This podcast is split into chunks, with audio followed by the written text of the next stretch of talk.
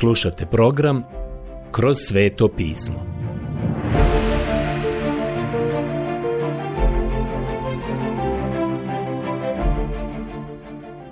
Knjiga Mudre izreke.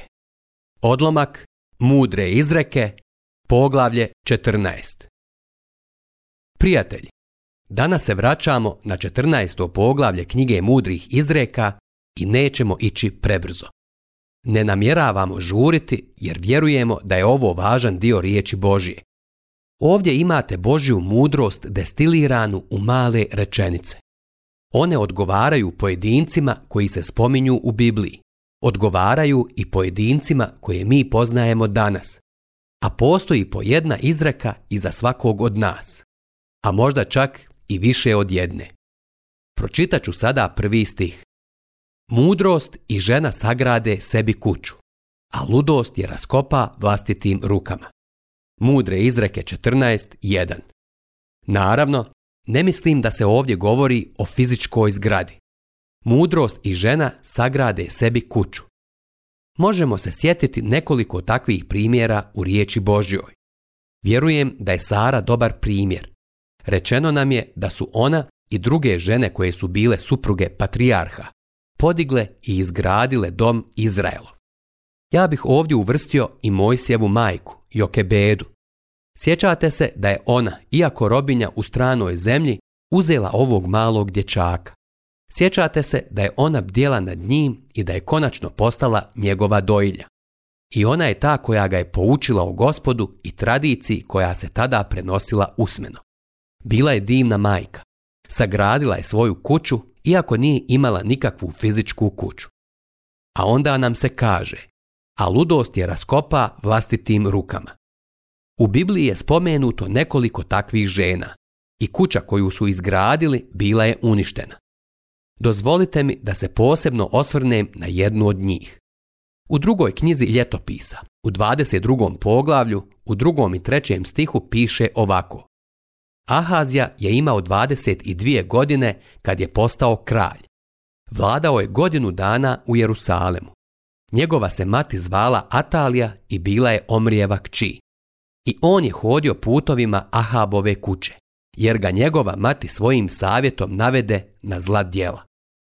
Ja vam kažem da je Ahabova kuća zaista bila uništena, a ova izreka je zasigurno istinita izreka. Vidite, ovo su stvari koje funkcionišu u životu. Funkcionisale su i kao demonstracija ovih mudrih izreka. Možete ih staviti u laboratoriju života i one funkcionišu i danas. Primjenjive su i na nama i oko nas. Svi smo mogli vidjeti primjere njihovih ispunjenja. Dalje nam je u drugom stihu rečeno sljedeće. Tko radi pošteno, boji se gospodina. A tko ide tramputicom, prezire ga. Mudre izreke 14.2 I vaš će hod otkriti kakav je vaš odnos sa Bogom. To je ono što nam je rečeno u poslanicama. Tko govori da u njemu ostaje, taj treba tako hoditi kao što je on hodio. Prva Ivanova poslanica 2.6 Drugim riječima, kao što je gospod Isus hodao ovdje na zemlji, takav treba biti i naš hod trebamo hodati u poslušnosti ocu. Sjećate se da je Samuel ovu stvar izložio pred Šaula kada mu je rekao Eto, poslušnost je bolja od žrtve, pokornost je bolja od ovnujske pretiline. Prva knjiga o Samuelu 15.22 Poslušnost je važna stvar. Vaša religija je lažna i patvorena osim ako ovdje dole na zemlji ne hodate autentično sa njim. Ovo je vrlo važno. Dalje nam je ovdje rečeno sljedeće. U ustima je luđaka prut za njegovu oholost, a mudrome čovjeku usne su njegove zaštita. Mudre izreke 14.3 Ovo je veoma zanimljivo. Luđak uglavnom odaje samog sebe preko svojih usta. Samo slušajte dovoljno dugo i saznaćete. Nije li ovo dobra slika Golijat? Sjetite se da je Golijat puno pričao i na kraju je požalio zbog toga. Sada u stihu 4 imamo jedan veoma poseban stih. Gdje nema volova, nema žita, a obilna je ljetina od volovske snage. Mudre izreke 14.4. Ovo je nešto što mislim da je prilično nevjerovatno. Vo se u Bibliji uvijek koristi kao primjer nama. Vo je također bio žrtvena životinja a govorimo o Kristu kao o žrtvi. Kada je u pitanju hodanje, voj je bio neka vrsta sluge čovjeka. Na njega je stavljen jaram. Naš gospod je također rekao da i on ima jaram. Postavlja se pitanje, da li se Bog brine za volove ili je to rekao radi nas? Nesumnjivo je da je to zapisano za naše dobro. Pogledajte prvu poslanicu Korinčanima 9, 8 do 10. Vo je bio jaka životinja i činjenica je da je on bio traktor i limuzina u ondašnje vrijeme. Volom su išli na pijacu ili u grad i volom su orali u polju. Vo je bio prilično prljava životinja. Morali ste stalno čistiti jasle za njim. Način da se riješite tog posla čišćenja bio je da se riješite volova. Tako biste imali čiste jasle, ali uz pomoć volovske snage mnogo su se olakšavali poslovi. Ovo ima ogromnu duhovnu lekciju za nas. Jako puno ljudi pokušava riješiti probleme u crkvi u kojoj postoje podjele i gdje postoje grupe i grupice. Način na koji to možete učiniti jest riješiti se određenih grupa, a ponekad se te grupice sastoje od onih koji nisu ono što biste mogli nazvati dobrim darivateljima ili zapravo dobrim radnicima. Oni su aktivni. Zauzeti su kao termiti i vjerovatno imaju isti rezultat kao termiti. Oni se žele riješiti ljudi koji insistiraju na tome da u crkvi bude poučavanje iz Biblije. Oni koji insistiraju na tome da u crkvi stvari budu ispravne i poštene. A mala klika to ne voli. Oni se protive tome. Vrlo su ogorčeni zbog toga, pa se riješe volova. Imaju čiste jasle ali bez volova. A volovi su ti koji plaćaju račune. Oni su ti koji daju. A onda ona klika sazna da se zadužila. Možda i vi imate nekog člana u svojoj crkvi. Možda vam se ne sviđa jer je čist. On insistira da se propovjeda riječ Božja. On insistira na tome da postoji biblijsko učenje. I vi se možda ne slažete sa njim, ali bilo bi vam bolje da ga se ne riješite. Ako to učinite, bit ćete u nevolji, jer je vo onaj koji vuče plug. I koliko god se slagali, on je taj koji će vam pomoći da pošaljete misionare na teren. On će pomoći platiti račune za struju. Prijatelji moji, veoma je važno otkriti ko su volovi u gospodnjem dijelu. Sada želim biti vrlo otvoren sa vama. Imam jednog prijatelja koji je veoma divan kršćanin. On i ja se puno družimo. Igramo golf zajedno. On živi u jednom gradu koji je daleko od mene i daje za naš radio program velikodušno. On se ne slaže sa mnom oko mnogo stvari. Kada igramo golf, ja volim samo igrati i ne razmišljati o drugim stvarima. A taj moj prijatelj mi uvijek govori. Zašto ne uradiš ovo? Ili zašto ne uradiš ono? Mogao bih ga se lako riješiti, ali znate šta? Nije poenta očistiti jasle tako što ćemo izbaciti vola napolje. Ne smijeta mi imati posla sa takvim čovjekom jer on je divan kršćanin. I znate šta još? Taj moj prijatelj je u pravu otprilike u 50% stvari. Ja vidim da mi daje dobre savjete.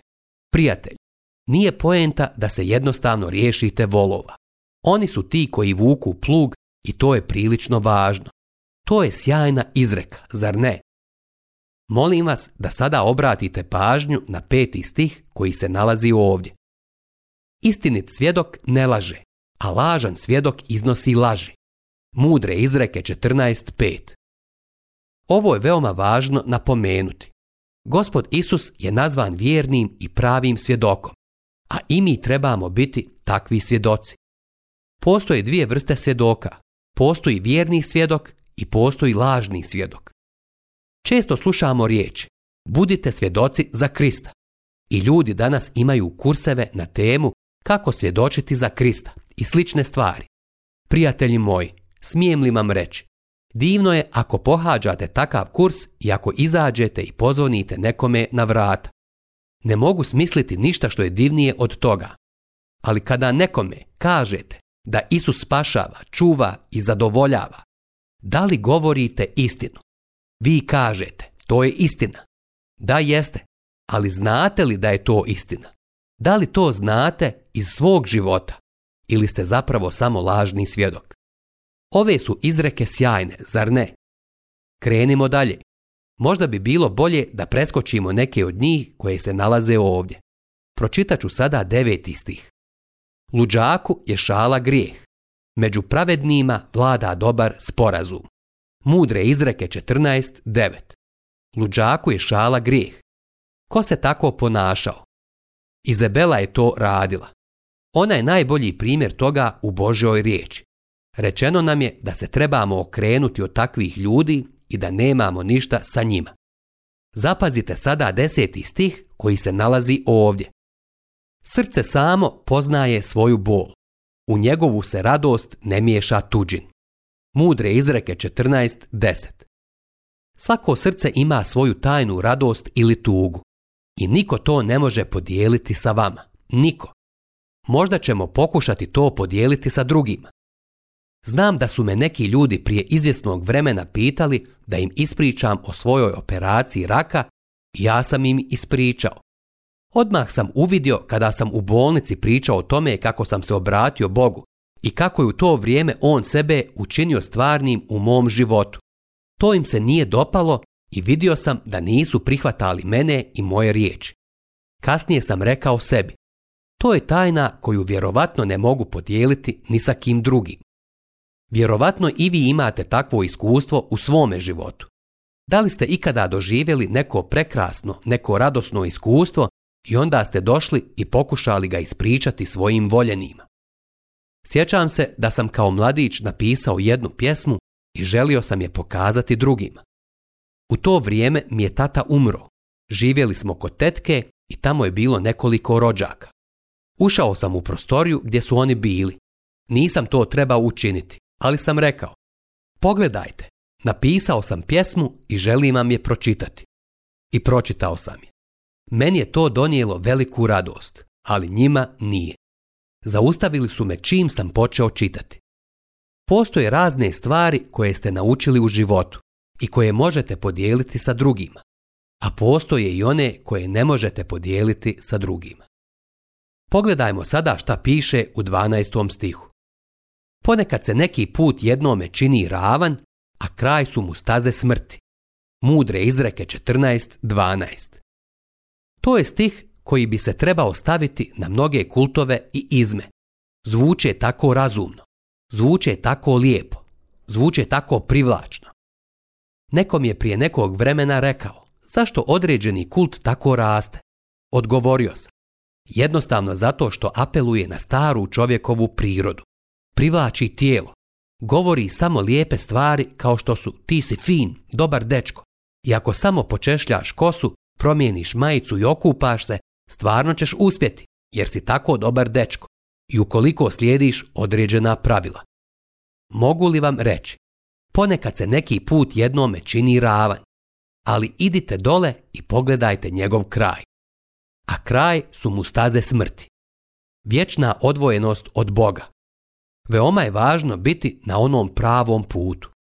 Ponekad se neki put jednome čini ravan, a kraj su mu staze smrti. Sada ću se spustiti niže na 15. stih. Ovdje piše Lud vjeruje svakoj riječi, a pametan pazi na svoje korake.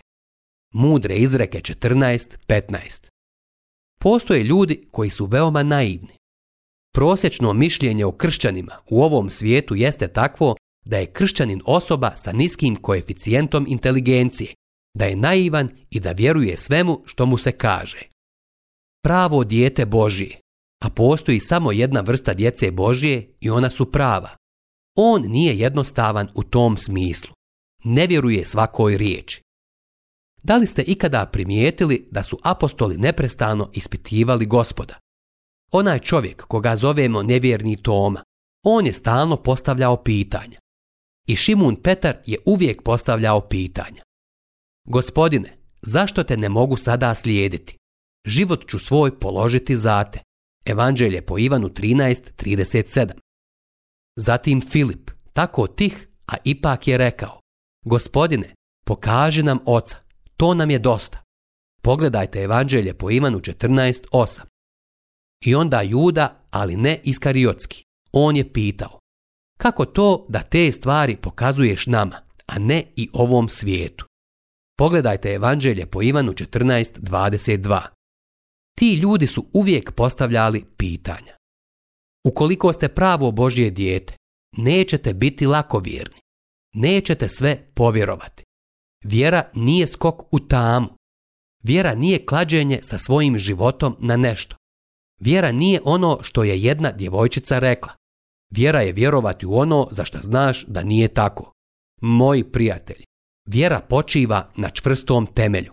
A Bog kaže da ukoliko to nije čvrst temelj, onda mu ne vjeruj. Lud vjeruje svakoj riječi. Ali čovjek koji je razborit, onaj koji je mudar, on će to ispitati. Gospod kaže, iskušajte gospoda i vidite da li je dobar. Zatim nam je ovdje rečeno sljedeće. Mudar ima strahopoštovanje i kloni se zla, a lud ide preko toga i osjeća se sigurnim. Mudre izreke 14.16 Mudar čovjek ima strahopoštovanje. Koga se on to boji? U pitanju je strah gospodnji i to je veoma važno napomenuti. Ono što ovdje moramo prepoznati, ono što je vrlo važno uvidjeti, jeste baš ovo. Radi se o strahu gospodnje. Vjerovatno bih sada trebao pročitati nekoliko stihova. Čovjek zajedljiv učini ludost, a razborit je strpljiv. Luđaci ostaju u svojoj ludosti, a mudri se kite znanjem. Pred dobrima se zli moraju prignuti, a bezbožnici moraju stajati na vratima pravednika. Mudre izreke 14, 17 do 19. Ovdje jednostavno vidimo da postoje ljudi koji imaju nevjerovatnu lakomislenost i povjerovat će u sve ono što im neko kaže. Čuli ste i vi da ima takvih ljudi koji vjeruju bilo čemu, samo ako im se došapne da je nešto istina.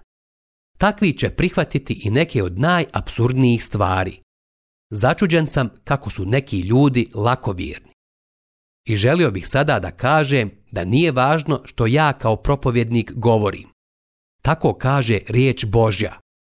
Želim vam reći da ja nisam proročište u Delfima, niti govorim eks katedra. Ne želim to uopšte ni insinuirati. Nisam sveznalica vi provjerite ono o čemu govorim u riječi Božoj i vidite da li je to ono što riječ Božja uči. Prijatelji moji, nemojte biti zavedeni. Danas se događa to da imamo mnogo slatkorječivih govora u crkvi, izvan crkve, na radiju i mimo radija. Ali prijatelji, jednostavno ne vjerujte svemu onome što čujete. To je jako dobar savjet koji vam sada dajem. Ja ću se sada spustiti na 20. stih i u njemu nam je rečeno sljedeće. I svojemu prijatelju mrzak je siromah, a mnogo ih je koji ljube bogataša. Mudre izreke 14.20. Kako je samo ovo istinito? Danas siromah više ne može biti željeznički radnik, a istovremeno se kandidovati za predsjednika kao što je to bio Lincoln. Da živi danas nikada se ne bi mogao kandidovati za predsjednika. Danas za tako nešto morate biti bogat čovjek. Tko prezirno postupa s bližnjima, griješi. Blago onome koji se smiluje siromahu. Mudre izreke 14.21 Ponovo ovdje imamo jedan pravi test. Kako se ponašate prema onima koji vam ne mogu ništa pomoći ili učiniti za vas? Da li vi činite nešto za njih? Zatim imamo ovdje stih 22. Ne idu li stranputicom oni koji smišljaju zlo, a koji misle na dobro, žanju ljubav i vjernost. Mudre izreke 14.22. Kako su samo predivne ove mudre izreke. Dozvolite mi samo još da istaknem neke važne stvari prije nego što završim ovo poglavlje. U svakom radu ima dobitka, a puste riječi donose samo gubitak. Mudre izreke 14.23 Kao što i sami već znate, postoje neki ljudi koji samo pričaju. Oni ništa ne rade. Priča je sve što dobijate od njih. Sve što oni rade jeste samo pričanje. Stih 24 Kruna je mudrih njihovo bogatstvo, a ludost luđaka ostaje ludost mudre izreke 14.24. Bogatstvo koje se ovdje spominje nije nužno materijalno bogatstvo. Ima mnogo ljudi koji su bogati, ali ne u stvarima ovog života, već u stvarima koje su duhovne. To je ono što je važno uvidjeti. Zatim imamo i ovaj stih. Izbavitelje života istiniti svjedok, a tko iskazuje laži, kvaritelje mudre izreke 14.25. Gospod Isus je rekao, a kad slijepac vodi slijepca, oba padnu u jamu. Evanđelje po Mateju 15.14. A sada pogledajmo stih 27 u kome nam je rečeno. Strah je gospodnji izvor života. On pomaže izbjeći zamkama smrti.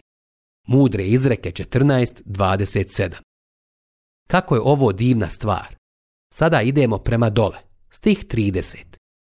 Život je tijelu srce mirno, a strast je kao crvotočina u kostima. Mudre izreke 14.30. I za kraj želim pročitati još jedan stih. Svi ovi stihovi su divni, ali na kraju ću izdvojiti samo jedan, a to je 34. stih. Pravednost podiže narod, a opačina je sramota narodima. Mudre izreke 14.34. Ovo je nešto što je veoma važno. Volio bih da se ovaj stih nalazi istaknut u Ujedinjenim nacijama, umjesto onoga da će oni prekovati svoje mačeve u raonike, jer oni to neće učiniti dok stvari ovdje dole na zemlji ne budu kako treba. I neće to učiniti sve dok Krist ne zavlada ovom zemljom. A onda će spoznati da pravednost uzdiže naciju. Danas u to ne vjeruju, ali istorija o tome je glasno svjedoči. Staza istorije je posuta olupinama, ostacima i ruševinama naroda koji to nisu slijedili, a opačina je sramota narodima. Ovo su sjajne izreke koje smo obradili ovdje u ovom 14. poglavlju. Rekao bih da smo sada na drugoj godini studija ovog našeg mladića koji se nalazi na fakultetu mudrosti.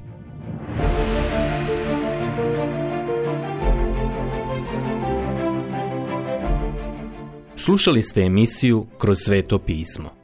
Možete nas slušati i na našem YouTube kanalu putem mobilne aplikacije, te na svim glavnim podcast platformama kao što su Google, Apple i Spotify. Ako vam se naši programi dopadaju, preporučite ih i podijelite s drugima. Budite slobodni da ostavite svoj komentar ili nam pišite na našu e-mail adresu kroz svetopismo.bih at gmail.com Zapratite našu stranicu kroz sveto pismo BiH na Facebooku i na Instagramu. Emisije iz ove serije možete pronaći na našoj stranici ttb.tw.r.org.